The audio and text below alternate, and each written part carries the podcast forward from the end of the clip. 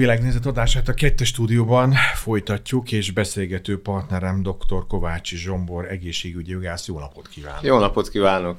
És az elmúlt napoknak mondhatjuk, hogy a híradásait így borzolta, és pro és kontra mindenfajta kommentek serege érkezett annak kapcsán, hogy egy zalai főorvossal kapcsolatosan büntető eljárás indult hála pénz vagy azt pontosan nem is biztos, hogy tudjuk, hogy hála pénz, de az a lényeg, hogy valamilyen pénz elfogadása kapcsán. Ez azért lényeges talán most a beszélgetésünk elején, mert lehet, hogy lehet is egy válaszvonalat húzni abban, hogy a kórházi eszközöket használom, és annak a bevételét zsebre rakom, vagy pedig nagyon jó orvosi ellátást biztosítottam a páciensemnek, és ezért elfogadtam e, valamilyen fajta juttatást, mert gondolom a kettő nem egy kategória. Mi az ön meglátása ebben kapcsolatosan? Én már harmadik éve, hogy találkozhatunk ilyen híradásokkal, hogy büntető eljárás elé néz az az orvos, aki pénzt fogad el a pácienseitől. Ugye tudjuk, hogy ez a magyar egészségügynek, hogy úgy mondjam, a magyar társadalomnak a része volt én hosszú évtizedekig, hogy az orvosoknál, a, az orvosok kegyeit kereső betegek a biztonságérzetük megvásárlása érdekében, vagy, ahogyan is mondta, akár elégedettségük kifejezéseként valamilyen pénzzel jutalmazták az orvost az ellátás végén, rosszabb esetben már az ellátás előtt be akarták így biztosítani a helyzetüket. Ugye 2021 óta büntetőjogi tényállás konkrétan bármilyen pénz elfogadása az egészségügyi ellátás körében, legalábbis az állami ellátórendszerben. A magáért az ellátásért a magánellátásban sem lehet a szabott díjon kívül semmit elfogadni, de, de az állami ellátásban semmilyen körülmények között nem lehet egy fillért se kísértékű ajándékot, tárgyi eszközt adhat a beteg az elégedettsége jelzéseként az ellátást követően. Ez most nyilván aznak a tradícióját azt értem, amit ön elmondott, hogy ennek már van egy ilyen hagyománya, hogy kialakult, hogy a biztonságérzetem vagy a hálám jeléül megpróbálok közelebb kerülni az orvosi tudományhoz, az orvos személyéhez keresztül, de de önmagában egyébként az, mi, mi az ön véleménye arra, hogy annak idején a jogszabály alkotó ö, szinte csak azt lehet azt mondani, szinte csak ennél a szakmánál, tehát csak az orvoslás területén hozott egy elég szigorú intézkedést ezzel kapcsolatosan, hisz azért vannak ilyen típusú kvázi szolgáltatások még, amikre mondhatnánk azt, hogy személyfüggők, mondok egy példát, egy jogász például itt ül velem szemben, hogy a jogász társadalomnál előfordulhat-e ilyen tömeges mértékű hálapénz, paraszolvencia, de akár nyilván vannak más intézményesített formájú szolgáltatások is, hivatali ügyintézők, stb. Ott már lehet, hogy megvesztegetésnek mondják, bár ott is lehet hálársak lenni valamiért, hogy itt határidőn belül meg lett az engedélyem valamire. Nem ötleteket akarok adni nyilván a rádióhallgatóknak, csak a, elvonatkoztatni akarok attól, hogy csak az orvoslás területén merülhet fel ez a kérdés. Vagy tényleg különbséget kell tennünk a hálapénz és ilyen értelemben a korrupció fogalmak között? Nem véletlen azt gondolom, hogy az orvoslást érintette ez a szigorítás, hiszen kifejezetten a magyar egészségügyben, kifejezetten az orvosok vonatkozásában uh-huh. ivódott ez be a köztudatban, hogy ha jó ellátást akarok, akkor bizony szab, annak szabott ára van. A betegtársaktól érdeklődtek már a kórteremben a betegek beavatkozás előtt, műtét előtt, szülés előtt, hogy mennyi a tarifa, ahhoz, hogy normálisan bánjanak velünk, mit kell az orvos zsebébe csúsztatni. Úgy is fogalmaztam annak idején, hogy a, a, az magyar egészségügy legvisszataszítóbb jelenségének tartottam a hálapénzt, hiszen ez különbséget tett ember és ember, beteg és beteg között, aki nem tudta, vagy akár nem akarta tisztességből vállalni ezt a ö, mutyi jellegű hálapénz átadást, átvételt, az bizony számíthatott arra, hogy kevésbé lesz közelebb, hanem is az orvostudományhoz, de az orvos szívéhez. Mm. És akár tételes diszkrimináció is érheti.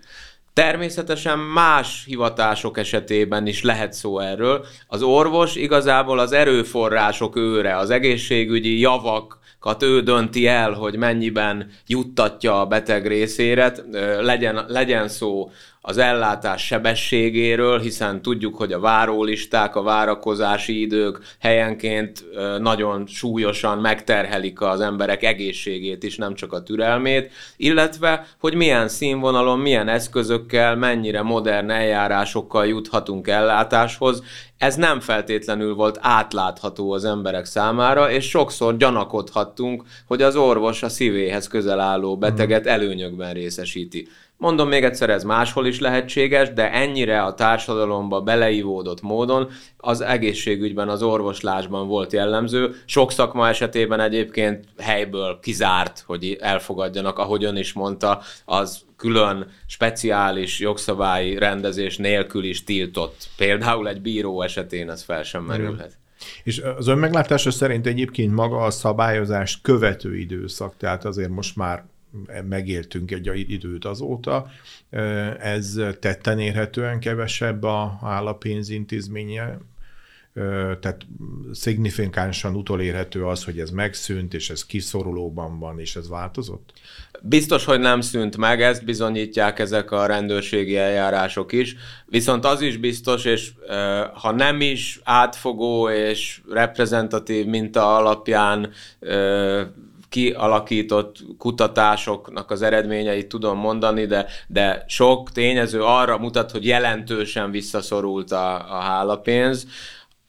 Ugye látni kell, hogy mielőtt ez a tilalom megszületett, az orvostársadalom nagyon kis hányada úgy is mondtam annak idején, hogy a, az orvostársadalom csúcsragadozói vitték el a hálapénz nagy részét. Tehát azok a, az ortopédsebész, szülésznőgyógyász, főorvosok, elsősorban budapesti központi intézményekben dolgozók, akik úgymond a, a saját osztályukon is élet-halál urai voltak, az orvosok fölött is egy ilyen feudális hierarchiában ö, álltak a csúcson. Ők akár 10 millió forintos nagyságrendű hálapénzeket is tettek zsebre. Rajtuk nem segít az, hogy most 2 millió forint lett a fizetésük, viszont tilos a hálapénz, úgyhogy vélhetően az ő körükben van, aki még most is veszi a bátorságot és kockáztatja esetleg a büntető eljárást is, és tovább folytatja a hálapénz elfogadását, de az orvostársadalom túlnyomó része azt gondolom, hogy, hogy befejezte ezt, és, és visszautasítja. Nem teljes egészében történik ez így. A konkrét eset kapcsán azért felmerül az a kérdés, hogy hogy hogyan lehet tetten érni. Tehát, hogy erre, erre mik azok a jelzőrendszerek, amik be vannak esetleg építve a, a bűnmegelőzés, vagy a bűnüldözés rendszerében, vagy ha ott nincs, akkor hol van? Tehát hol jelenik meg? Ez egy állampolgári bejelentés, hogy ő úgy tudja, hogy. Ugye megnehezíti ezeknek az eseteknek a feltárását az, hogy, hogy mindkét érintett fél büntethető a, a hálapénz adója veszteget, a hálapénz elfogadója pedig elfogadja a vesztegetést. Ez két egymás után a büntető törvénykönyvben szereplő büntetőjogi tényállás, tehát saját magát is feljelenti lényegében, aki, aki a hatóságokhoz fordul. Igaz, hogy korlátlanul eny, enyhíthető a büntetés, sőt, akár el is engedhető, hogyha valaki feltárja töredelmesen, és minden részletét a hatóság számára bemutatja, hogy mi történt, de hát azért ez, ez nem garancia büntetlenségre.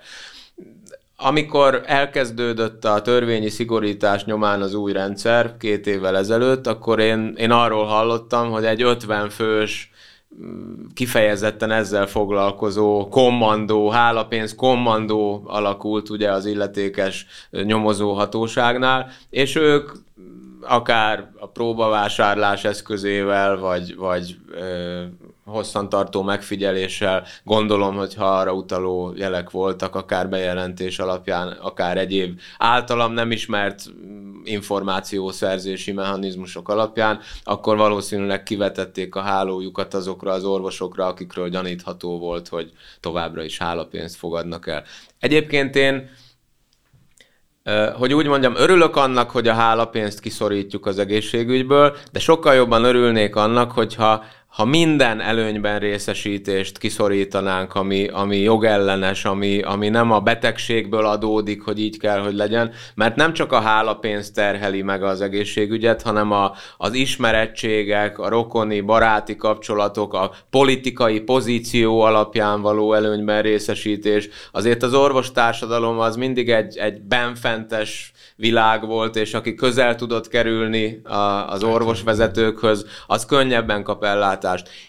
Én magam is azt gondolom, hogy már csak azért, mert jobban ismerem a lehetőségeket, mert járatos vagyok a magyar egészségügyben, és tudom azt, hogy kihez kell, vagy kihez érdemes fordulni, már ezzel nagy előnyben vagyok. Hát még ha valaki úgymond protekciót kér, vagy, vagy ezzel él, nem feltétlenül követi ezt pénzmozgás, lehet, hogy örül az orvos, hogy hmm. segíthet úgymond egy nagy embernek, és ezeket a helyzeteket, ezeket a lehetőségeket ugyanúgy ki kellene küszöbölni, és ezt úgy lehetne, hogyha átlátható lenne az egészségügy. Ha a járóbeteg szakrendelőkben ugyanúgy nyilvános várólisták alapján lehetne bejutni a rendelésre, mint ahogy a műtétek esetében van. Uh-huh. Ez ön szerint egyébként van olyan hely, ahol ez így működik? Tehát vannak erre jó példák?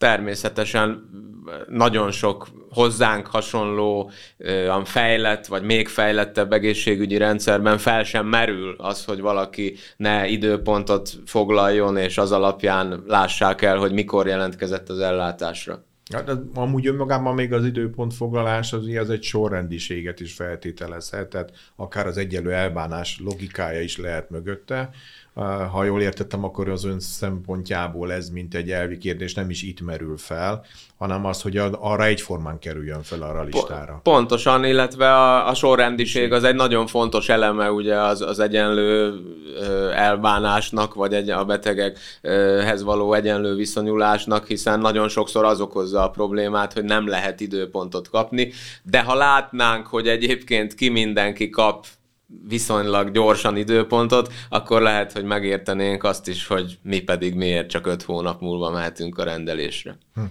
Még kicsit érünk vissza erre a, a büntető kérdésre, hogy ugye az egyik oldal és a másik oldal. Ugye a, a, ahogy néztem a, a, a hír megjelenését követően a kommentelőknél jelentős számban jelent meg az, hogy mi köze van ahhoz akárkinek is, hogy az én adózott jövedelmben én mit adok a, akárkinek is, ebben az esetben egy orvosnak hálám jelöl. Egyébként is még írtam neki hozzá pár kedves sort is, hogy köszönöm, tehát egy köszönő levéllel is hálásmat fejeztem ki.